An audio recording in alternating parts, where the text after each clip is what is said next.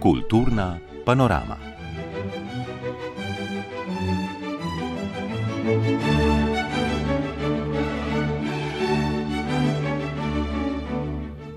Spoštovane poslušalke, cenjeni poslušalci, tedni je na okoli in eh, spet vas vabim, da prisluhnete prispevkom, ki smo jih v koordinaciji uredništva za kulturo tretjega programa, programa Ars Radio Slovenija, pripravili skupaj z uredništvom za resno glasbo.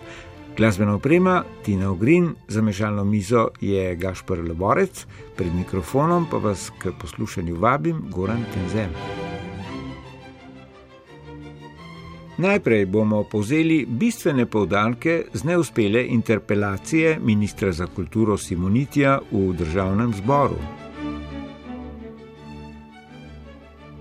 Nadaljevali pa s stanovskimi priznanji Združenja dramskih umetnikov Slovenije, ki jih vsakič podelijo ob svetovnem dnevu gledališč, torej na današnji dan. In orisali okoliščine priznanja Berlinske umetniške akademije skladateljici Petri Strahovnik. Lotili smo se tudi pravkar odprte razstave Tobijasa Putriha v Moderni galeriji ter odprte razstave 50 del bosanskega slikarja Safeta Zeca iz ciklov Objemi in Exodus, ki bo na osmih prizoriščih Pirana in Portoroža odprta do konca junija. Ob koncu pa še nekaj povdarkov z mednarodnega simpozija, stopajoč po poteh, ki vodijo novi prihodnosti nasproti ki tedni poteka v organizaciji Moderne galerije in Mednarodnega združenja kuratorjev. Vasko Simoniti ostaja ministr za kulturo. Na glasovanju o interpelaciji je za njegovo razrešitev glasovalo 43 poslancev državnega zbora, proti jih je bilo 40. Za nezaupnico so zmanjkali trije glasovi. Nasprotniki so bili v svojih argumentih neomajni. Predlagatelji interpelacije so zatrjevali celo, da njegovo ministrovanje predstavlja konec za slovensko kulturo. Na drugi strani pa je minister trdil, da so njihovi argumenti slabi, žaljivi in celo lažnivi. Razpravo je zaznamovala zelo nizka raven kulture govora. Vse pa je spremljal Aleksandr Čobec in povzel v prispevku. Očitki ministru Vasku Simonitiju so že nekaj časa znani. Njegov mandat skoraj od začetka spremljajo protesti in v takšnem duhu je bila tudi interpelacija. Ministrove poteze bi naletele na ostro kritiko tudi, če bi ne bilo pandemije. Ker jih sprema v tem času, pa so predlagatelji interpelacije zgroženi. Namesto, da bi minister razumel položaj ustvarjalcev, zaostruje njihove pogoje delovanja pravi Matjaš Nemec, SD. V času, ko je velik del delavcev v kulturi ostal brez možnosti za delo, za ustvarjanje, za nastopanje, tako večina kulturnikov bolj kot kadarkoli prej dobesedno životari v prekarnih delovnih razmerah in se v trenutni situaciji dobesedno bori za preživetje.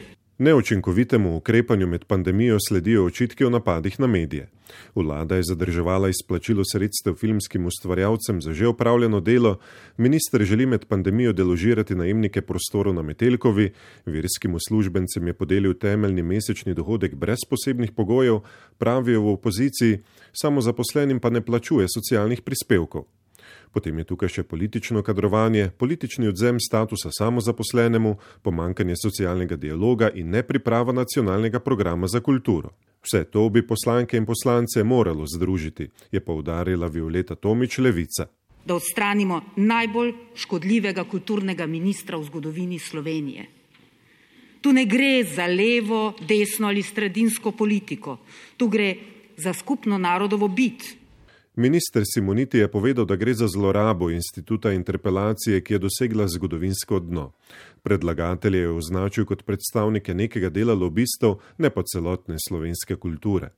Nekateri posamezniki v slovenski kulturi so si zgradili status nedotakljivih. Ker so na ministrstvu ukrepali proti njim, pa so sprožili nasprotovanja in proteste.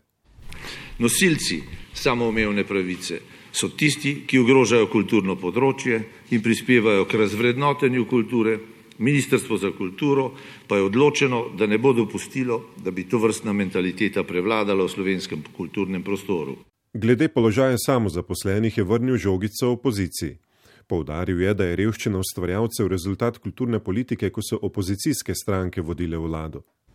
Če bi znali vi povedati, kaj se je zgodilo v teh desetih letih, da je kar polovica samozaposlenih na robu revščine, pa da ni nobenim pomagal. Kot največji dosežek svojega mandata je Simoniti izpostavil letošnji rekordni proračun v zgodovini samostojne Slovenije. Ministrstvo je sodelovalo pri pripravi protikoronskih ukrepov na področju kulture v višini 68 milijonov. Glede ogrožanja medijske svobode in neodvisnosti je povedal, da v njegovem mandatu niso propadli mediji. Povdaril je, da nikomor ni politično odzel statusa, da na rok plačujejo samo zaposlenim pravice, verskim uslužbencem so podelili temeljni dohodek, ker so v času pandemije prepovedali verske obrede, nepriprava nacionalnega programa za kulturo pa je odgovornost prejšnjih ministrov. Seje so bolj kot vsebinska razprava zaznamovale ostre in žalive besede. Predlagatelji so ministrom mandat primerjali celo z vojnim stanjem, ki je kulturi oduzel glas. Minister Simoniti jim ni ostal dolžan, začetek drugega dela seje je nakazal, da se bodo govori po ostrini stopnjevali.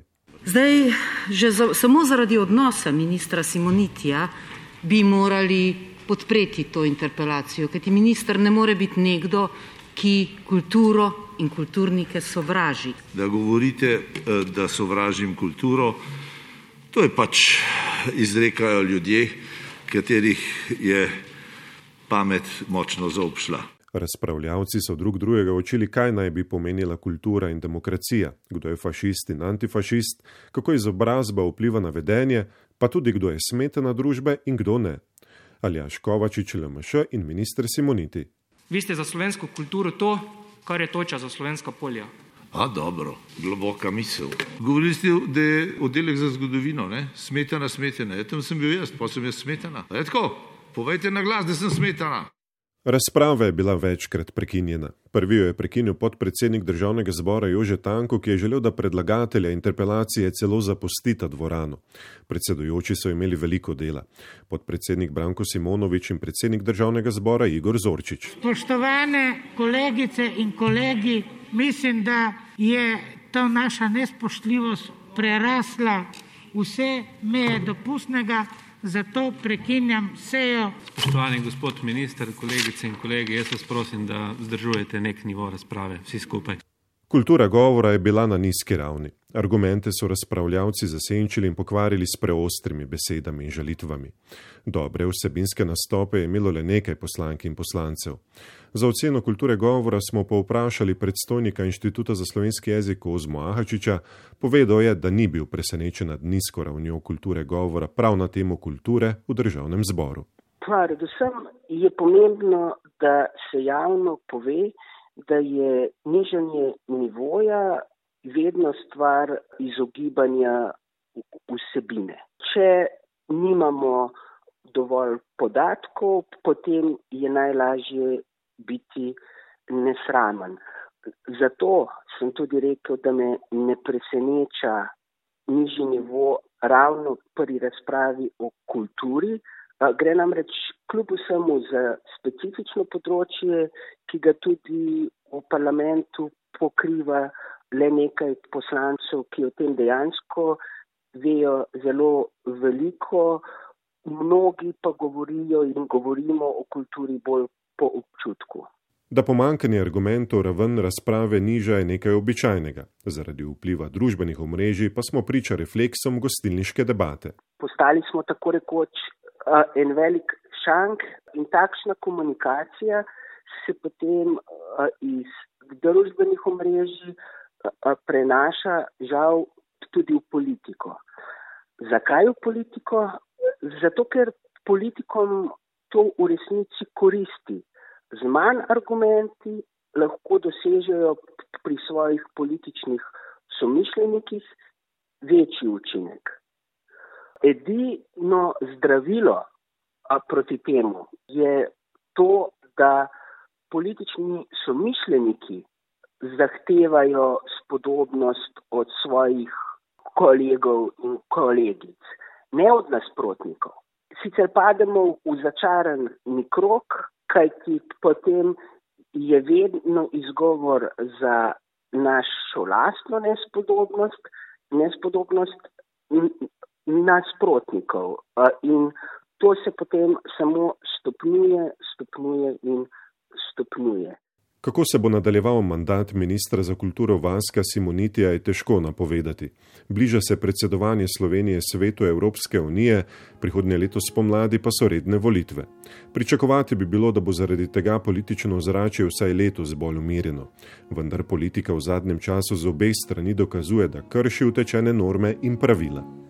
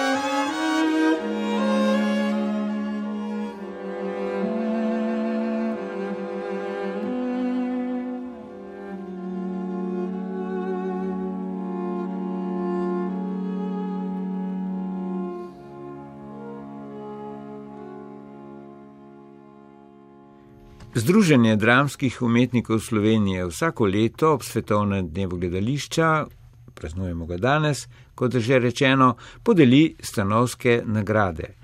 Nagrado za življensko delo Polde Bibič letos prejme glasbena oblikovalka z uredništva igranega programa našega radia, Darja Hlavka Godina. Igralsko nagrado Marija Vera, prav tako za življensko delo, dobi igralec, plesalec in koreograf Marko Mlačnik. Več o obeh nagrajencih ter preostalih dobitnikih nagrad Združenja dramskih umetnikov Slovenije pa v prispevku, ki ga je pripravila Ana Rozman. Darjo Hlavka Godina glasba spremlja že od mladih nog. Kot je povedala, je bila od zgodnje mladosti obkrožena z umetnostjo, saj so skoraj vsi člani njene družine igrali na glasbila in prepevali. Sama je igrala na flauto in dokončala glasbeno akademijo. Kako sem se profesionalno začela s tem ukvarjati, to je, to je čist hecno, ker sem eh, flauto igrala, igrala, igrala, prišla do konca srednje šole.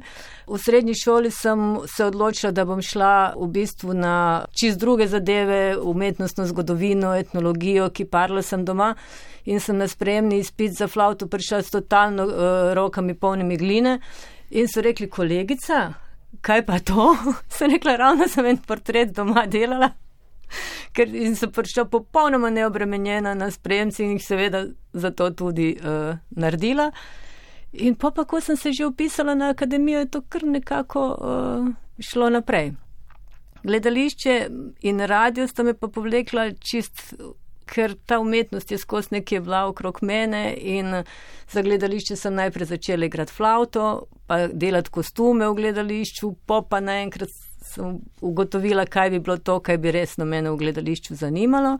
Radio pa kot medij mi je bil fascinanten, zato ker je zvok kot tak bil primaren in sem rekla enkrat v eni družbi, da bi se jaz blazno ukvarjala z radijskimi igrami in so me narobe razumeli in so mi dali, da komponiram za eno radijsko igro muziko.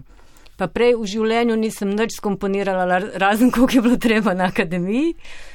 In sem jaz rekla, mladost, ludost, sem rekla, seveda, zakaj pa ne?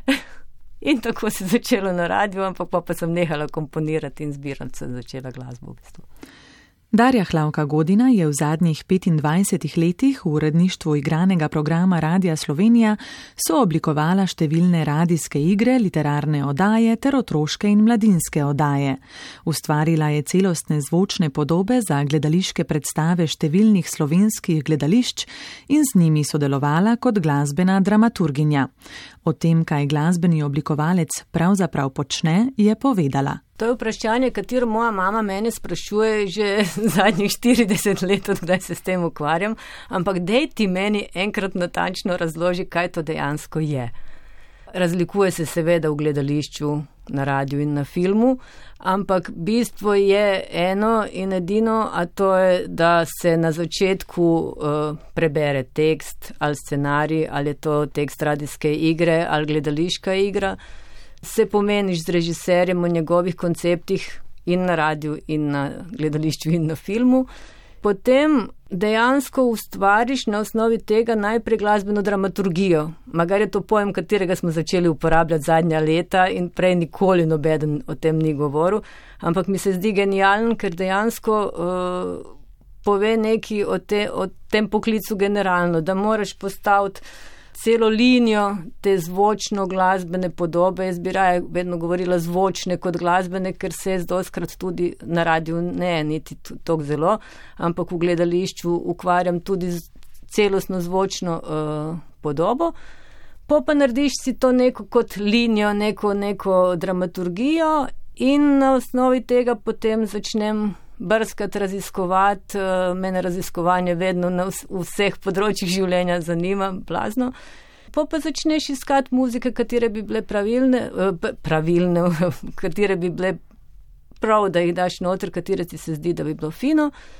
Po pa greš kot na prvi zmenek, na prvo montažo ali na prvo vajo z muziko ali kaj in prideš kot z metulčki v trebuhu, ker ne veš, če bo ljudem všeč ali ne bo všeč to, kaj si zbral. In pa pa probaš pa skupaj s tonskimi mojstri, na radiju pa je tako druga zgodba, ker smo skupaj od začetka v bistvu in skupaj ustvarjamo to, to uh, celo zgodbo. Druga nagrada za življensko delo in sicer igralska nagrada Marija Vera pa je letos pripadla dolgoletnemu igralcu, plesalcu in koreografu Marku Mlačniku. Do upokojitve je bil zaposlen v slovenskem mladinskem gledališču, kjer je ustvaril vrsto pomembnih vlog. Kot so zapisali v obrazložitvi, je odr mladinskega gledališča zaznamoval s premišljenimi igralskimi stvaritvami ter izčiščenim in obvladanim gibom. Kot plesalec je nastopal tudi v prizoritvah Ksenije Hribar v plesnem teatru Ljubljana. Njegova ustvarjalno pot pa že vse od zgodnjih 80-ih let zaznamuje tudi retrogardistično in postgravitacijsko gledališče Dragana Živadinova. O razvoju svoje ustvarjalne poti je povedal. Ja, pred to prizoritveno umetnostjo sem jaz imel še druge uh, ideje, kaj bom v življenju počel. Ukvarjal sem se, ne vem, kaj sem bil čez mehko, sem igral violino, potem sem hodil na balet uh, in me v bistvu ples dosti bolj zanimal kot uh, gledališka uprizoritvena umetnost. Potem sem šel študirati matematiko, zelo neuspešno, sam en letnik sem nekaj probaval. Tako da potem sem šel na, ker sem imel pa že svoja leta in sem se v bistvu najprej sem se eh, intenzivno začel ukvarjati s sodobnim plesom. Tukaj moram omeniti Ksenijo Hribar, eh, mojo prijateljico, lahko tako rečem, žal že pokojno. Ples me je ful nekako poganjal naprej. Pol sem šel pa vseeno na sprejemne izpite in sem jih začuda naredil. No in potem, ko sem naredil eh, pač sprejemne izpite, sem pa dobu štipendijo, ne samo jaz, ampak še ni trije, štiri moje sošolci od eh, slovenskega mladinskega gledališča. In ko smo bili štipendisti, eh, je bilo v bistvu prelomno to, da sem začel takrat spoznavati eh, ljudi, ki so na moji gledališki, gledališki poti bili zelo prisotni. Jovanovic mi zdi, da je bil umetniški, pa potem Ristič, seveda, Ristič, Pipan, Taufer. In te so potem zelo mi dal vedeti, kaj mene v gledališču kot ustvarjalca, kot igralca uh, bi me sploh zanimalo. No. In definitivno me je zanimala, me zanima še zdaj ta sodobna umetnost, seveda. Združenje dramskih umetnikov Slovenije je za izjemne umetniške stvaritve nagradilo še režiserko Ivano Džilas, igralko ansambla SNG Nova Gorica Ano Fakini ter igralko ansambla SNG Drama Ljubljana Nino Valič. Vsem dobitnikom nagrad iskreno čestitamo.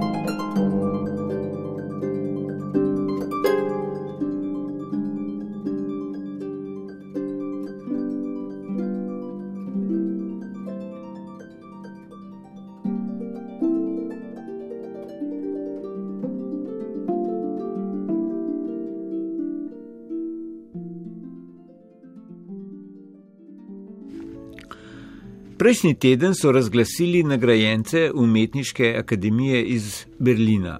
Prejemnica velike nagrade je pisateljica in berlinska novinarka Annette Gröšner, nagrajenka za glasbo pa slovenska skladateljica Petra Strahovnik, ki je tudi sicer vse močneje zasidrana v mednarodnem umetniškem okolju.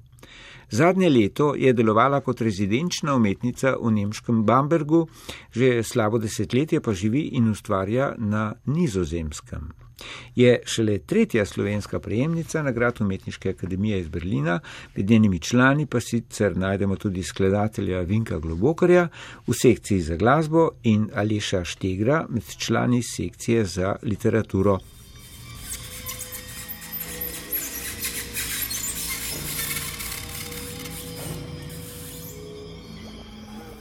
Petra Strahovnik je s simfoničnim delom Prana, nastalim po naročilu simfoničnega orkestra RTV Slovenija, pred dvema letoma kot prva slovenska skladateljica zmagala na skladateljski tribuni Rostrum. Ta simfonična skladba z nevsakdanjo akustično raziskavo, s preparacijami glasbil, uporabo nenavadnih zvočil in prostora izvedbe, pa tudi z meditativno poglobljenostjo zvoka, je eno najbolj istipajočih skladateljičinih del.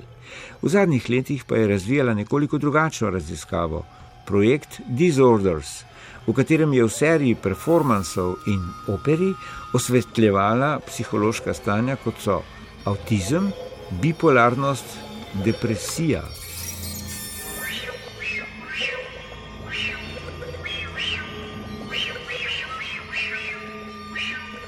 Petra Strahovnik ta dela vidi kot ključna za pomembno priznanje o nagradi in kako jo dojema, pa je po razglasitvi prejšnji teden povedala. Ta nagrada je kar prepoznavna. Za me je bilo totalno presenečenje. Ponovadi um, dobijo to um, bolj um, malo starejši umetniki, dodelijo glavno nagrado in šest. Eh, nagrad, se pravi, vsaka, za vsako akademijo ena nagrada, se pravi, za vsako smer uh, umetnosti.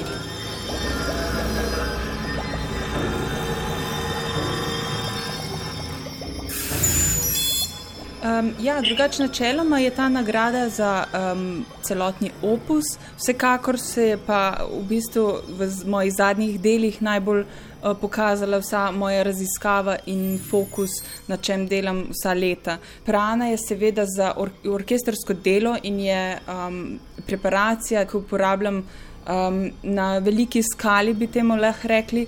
Um, in hkrati tudi uh, projekt Disorders je zelo nekako um, mogoče unikatna, uh, unikatni pristop do samih umetniških del, tako s strani raziskave v uh, med glasbo in uh, psihologijo uh, oziroma tudi neuroznanost ter um, performativno umetnostjo um, in glasbo. Se pravi, ti, ti so najbolj nekako ključni um, atributi pri uh, ustvarjanju tega projekta. In mislim, da je to pripomoglo k tej k prepoznavnosti oziroma k originalnosti, mogoče, uh, kar iščejo v umetnikih, katerih želijo uh, prinesti neko večjo prepoznavnost oziroma večje občinstvo.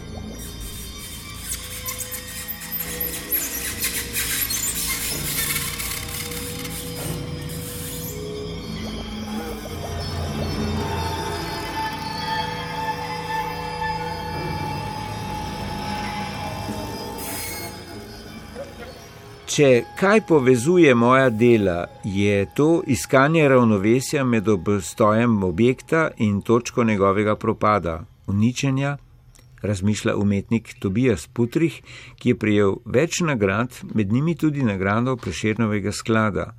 Njegova umetniška dela pa so del večjih tujih muzejskih zbirk.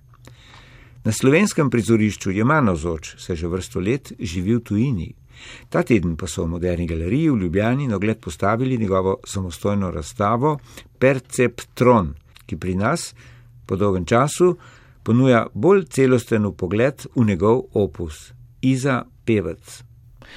Delo Tobijasa Putriha se v številnih vidikih navezuje na umetnost 90-ih let, ko so avtori kot sta Maritica Potrč in Jože Barši v kiparstvo upeljevali elemente arhitekture oziroma o njej razmišljali. Tudi sam se pogosto naslanja na arhitekturo, predvsem kinematografov, ki jih dojema v povezavi z zgodovinskimi avantgardami, še eno izmed referenc njegovega dela. Na arhitekturo pa se sam naslanja predvsem formalno, čeprav ga zanima tudi spolsko razmerje med modelom, predlogom in skulpturo. Pomembna za nje je še ideja modularnosti, variabilnosti. Kot pravi kustos razstave Igor Španjol, putriha zanima, kako lahko sami delujemo po določenih vzorcih, pa tudi Tako so v preteklosti uh, velikani avantgarde svoja dela uh, zasnovali na način, da, pravzaprav lahko funkcionirajo tudi brez roke umetnika, da se na način generirajo sama uh, po določenem programu znotraj določenih struktur. Tukaj je pomemben vpliv novih, gibanja novih tendenc na območju nekdanje Jugoslavije, pa tudi Eh, širše eh, modularnost 60 eh, let v arhitekturi, oblikovanju je več kot očitna v njegovem delu. To je nek temelj njegove produkcije, ki potem se razrašča v različne smeri. Eno so mm, site specific, skratka v kontekstu prostora, bodi si naravnega, bodi si kulturnega, postavitve, ki temeljijo pravzaprav na pohištvu, na opremi, bodi si galerijske postavitve, ki oživljajo dediščino kinematografov, vsega kinematografskega dispozitiva, zgodovine kinodvoran, kar je zlasti zanimivo za čas zadnjega leta, v katerem živimo, ko smo pravzaprav eh, bolj ali manj odmislili izkušnjo pač eh, kinematografa, ki ni neutralna, ki ni nepomembna. Razstava ponuja v pogled v Putrihovo preteklo delo, vključenih pa je tudi nekaj novejših podarkov, ki starejša dela postavljajo v novo luč. Pri postavitvi pa sta se s kustosom odločila uporabiti idejo skladiščenja. Putrihovo delo je sicer precej raznoliko, zato je pogovor najprej pojasnil, kje sam vidi rdečo nit. Ja, mogoče bi izpostavil to vprašanje dotika. Vprašanje v bistvu kaj lahko gledalec, v bistvu, kako s svojim telesom pristopi k kipu, pristopi k objektu. Mislim, da je ta ideja povezala tako zgodne projekte, projekte kina in kinoarhitekture, pač ta dotik telesa z kinodvorano, z sedežem, pač to izginotje telesa znotraj te črne, črne luknje. V bistvu. Kot tudi te modularne objekte, ki so sledili v zadnjih 15-10 letih, ki sprašujejo to možnost igre, možnost taktilne igre z nekimi objekti, z kockami, z geometrijskimi elementi, katerim mora gledalec pristopiti, dejansko se jih dotakniti in premeščati nekako to zavedanje, zavedanje telesa. Se mi zdi ta ključna, ključni element. Mogoče še kakšna beseda o naslovu? Perceptron to sugerira neko namik na percepcijo, morda? Oziroma, ja, ja, to je mogoče malo bolj, mal bolj kompleksna referenca, ampak dejansko je bil v 50-ih letih, je bil Perceptron je bil prvi računalnik, ki je temeljil na osnovi nevronskih mrež. In v bistvu to je ta moment, je, ko se kino sprobrne sam vase, ko kino v bistvu gleda samega sebe. Ker v bistvu se je šlo za prvi računalnik, ki je prepoznaval neke simbole, številke ali pa neke, neke podobe. Um, Seveda ni bil funkcionalen najboljš, ampak bila, ta ideja je pa ideja, ki se je danes razvila do predvsej velikih razsežnosti. Um, in tukaj tudi moramo, se mi zdi, gledati na računalnik kot nek v bistvu telo, ki se zaveda samega sebe. In, oziroma, to je spet vprašanje, ne? ali se ne. Ravno v 90-ih je en prvih, prvih v bistvu referenc tega deep learninga, torej globokega učenja, se imenovala Helmholtz Machine. Helmholtz je bil pa en glavnih zagovornikov tega, tega nemške reforme 19. stoletja. Ravno te taktilnosti, ravno tega znanja spodaj, tega znanja, v bistvu telesnega znanja. In v bistvu te, celo to prepletanje, v bistvu tega materialnega računanja po eni strani in tega izobraževanja po drugi in kina na tretji strani, v bistvu tvori eno tako zanimivo trojno trikotnik, trikotnik ki, povez, ki povezuje celo ta modernistično, potem rekel, celo zgodovino. V bistvu. In danes se mi zdi en tak zelo zanimiv moment, sploh s tem izbruhom celega vseh teh neuronskih mrež in tega v bistvu podatkov, ker se mi zdi zanimivo, kako se pretapljajo nazaj v taktilnost, v naše okolje, v objekte. V bistvu vprašanje je, kaj je naše v bistvu naša relacija med objektom in nekim, neko nevronsko mrežo. Kako nas usmerja nevronska mreža okoli objekta, kako nam zbira stvari v bistvu. Pred, na, pred nami kaže neke objekte, ki jih bolj sam. Mislimo, da sami zbiramo dejansko, so pa izbrani na podlagi nekih, nekega računanja, neke statistične metode. Uh, in še Omenili ste kinematografe. Na kakšen način se v svojem delu naslanjate na arhitekturo, tudi pri kinematografiji gre na vse zadnje za arhitekturo, in pa zgodovinske avantgarde, ki so tudi ena izmed referenc? Vedeti moramo, da kinematografi in cela avantgarda so v bistvu bili ena, ena in ista zgodba začetku 20. stoletja. Središče te zgodbe je dejanska taktilnost, kako v bistvu s telesom preseči nek muzejski prostor, kako s telesom iti na ulico, kako umetnost porint v vsakodnevno življenje, v objekte, v dejansko arhitekturo, kako umetnost postane neka, nek dizajn, kako umetnost postane arhitektura in kje je ta umestni prostor dejansko.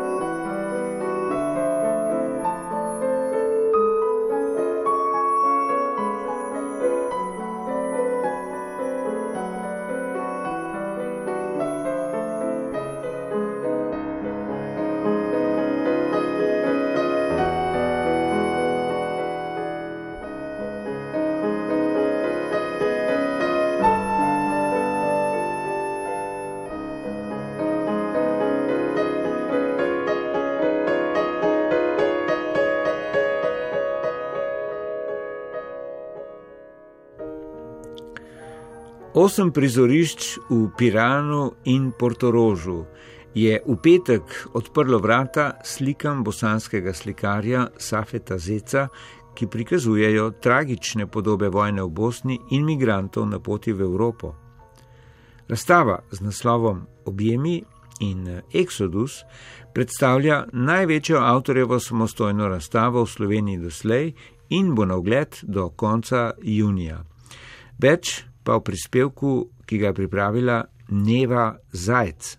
Safet Zec se je rodil v Bosni, se šola v Sarajevu in Beogradu, ker je živel do leta 1989, ko se je vrnil v Sarajevo. Leta 1992 je zaradi vojne emigriral v Italijo, najprej v Videm, kasneje v Benetke. Tam sta nastala oba cikla, ki jo vidimo v Piranu. 50 slik iz cikla Objemi in Exodus pomeni največjo slikarjevo razstavo v Sloveniji doslej. Zec živi trenutno med Benetkami in Sarajevom in se je nove tematike in načina lotil po prihodu v Italijo. V središču njegove pozornosti so tragični trenutki življenja ponižanih, posebej imigrantov in med njimi otrok.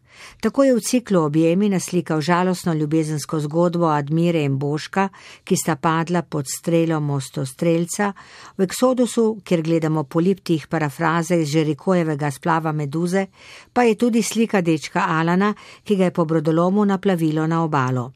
O nastajanju teh podob je na predstavitvi hči Hanna Zec povedala. Skupljal je ta material. Zbiral je material, pretežno časopisne fotografije, delal skice in majhne risbe, ta platna pa so nastala kot fizično dejanje, kot so udeležba. Bili smo priče nastajanju teh podob, ki jih je naslikal v zelo kratkem času. Bilo to za jako kratko vreme. Podobe so ganljive, posebej močno učinkujejo velika platna v Monfortu, ki se izkazuje kot idealno prizorišče za zecovo zgodbo. Kustosinja Nives Marvin je ob tem povedala. Monfort itak vemo, da je res impresiven prostor.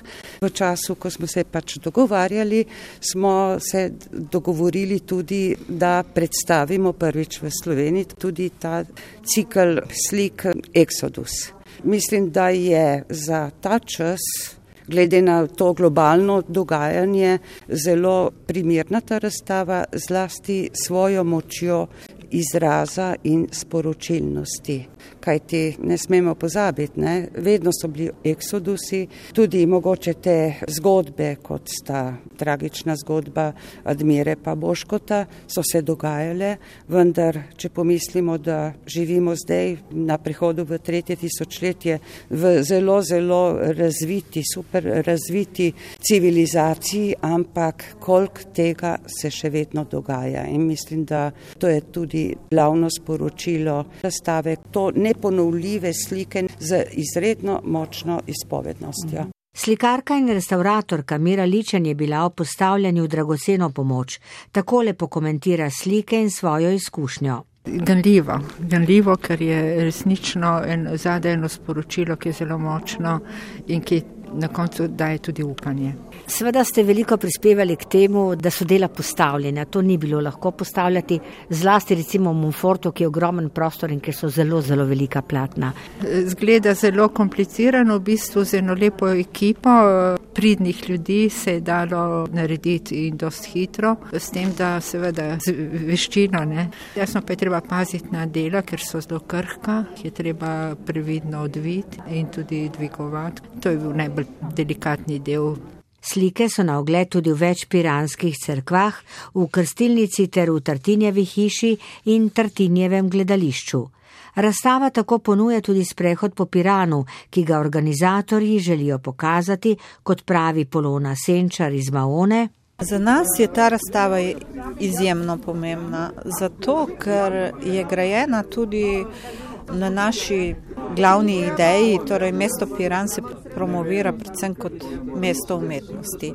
In tukaj nadaljujemo z to vsebino, gradimo naprej na Tintoretu, Karpaču, ki so ustvarjali tu Cezare dell'Aqua in kasneje naši veliki umetniki, kot so Janez Lenasi, Spacal, Božidar Jakec. Jih imamo zelo veliko in tudi formovivo, extempore.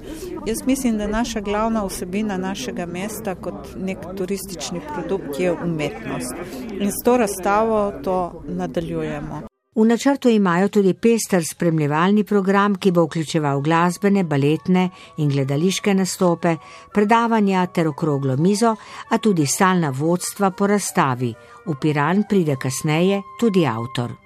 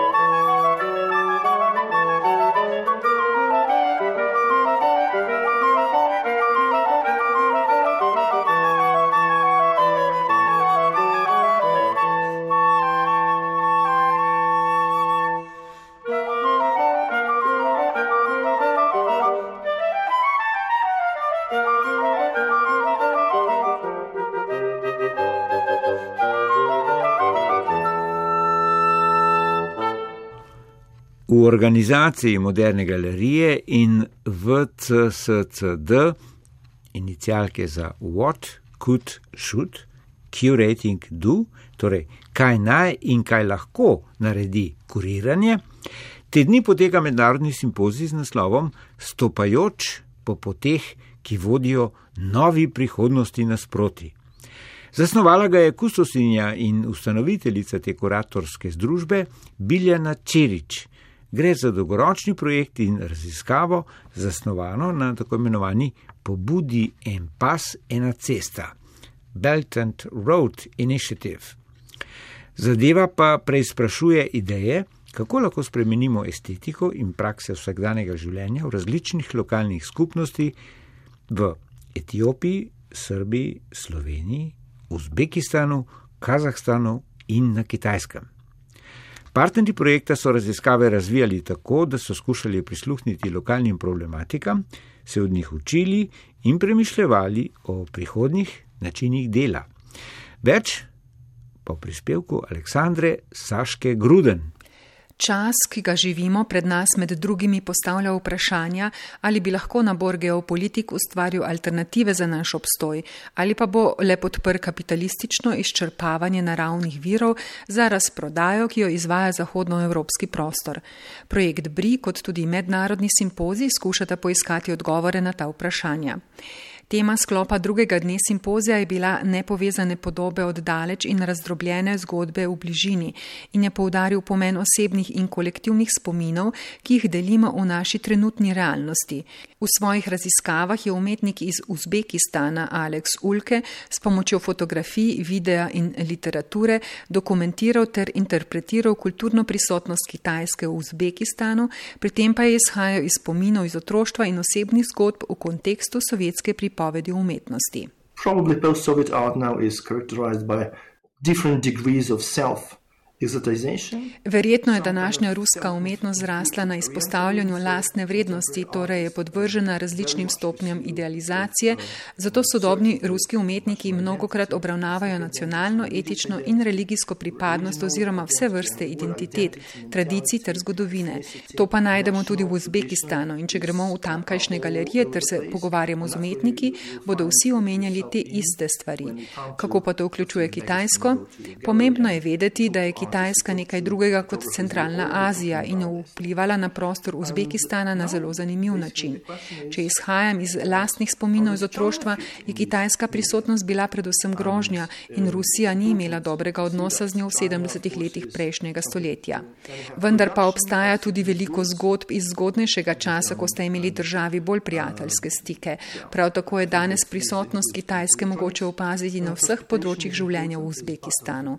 Tako v potrošniški tehničnih izdelkih, kot so oblačila, kot na področju elektronike, avtomobilizma in znanosti. To so zelo zanimiva dejstva in zdaj se postavlja vprašanje, ali lahko vse to vpliva na spremembo odnosa med Kitajsko in Uzbekistanom. Če gre za spremembe, kdo in kaj se spreminja. Kitajski umetnik, ki živi v Avstraliji, Hu Jun, je predstavil osebne zgodbe in pripovedi, ki se navezujejo na kitajsko rodarsko podjetje s sedežem v Srbiji predstavijo zgodovino podjetja Bor in v svojem videodelu odprl vprašanja migracij in življenja v tuji državi med aktualno pandemijo. Posnel je pogovor s kuharskim mojstrom, ki je v malem mestu vodil gostinski obrat.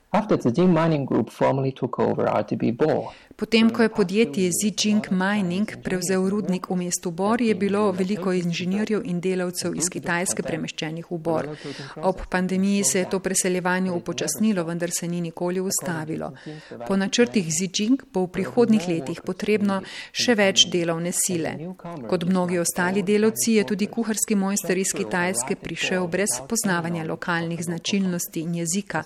Govori mandarinščino in star kitajski dialekt, ki se uporablja v provinci, odkudar je tudi podjetje Zijing Mining. Moje delo je nastalo na osnovi šokantnih videoposnetkov, ki jih je naredil kuharski mojster v letu 2020 kot njegov vizualni spomin.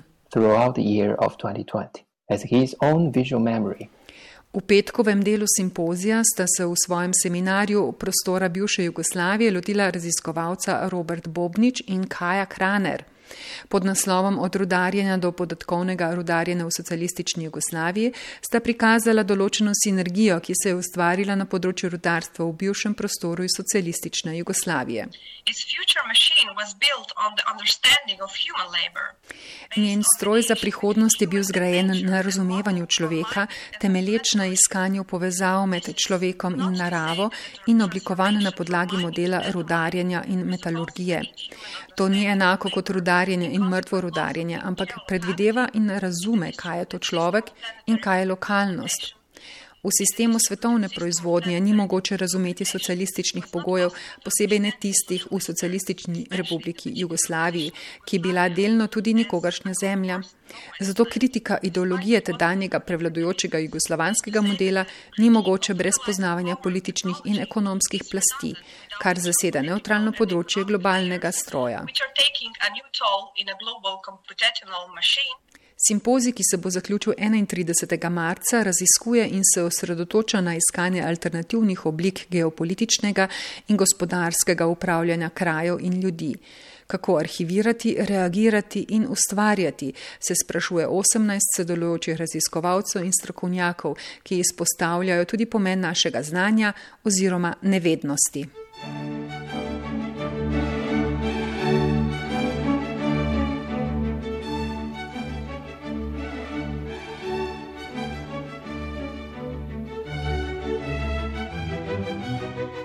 Prišli smo do konca tokratne oddaje.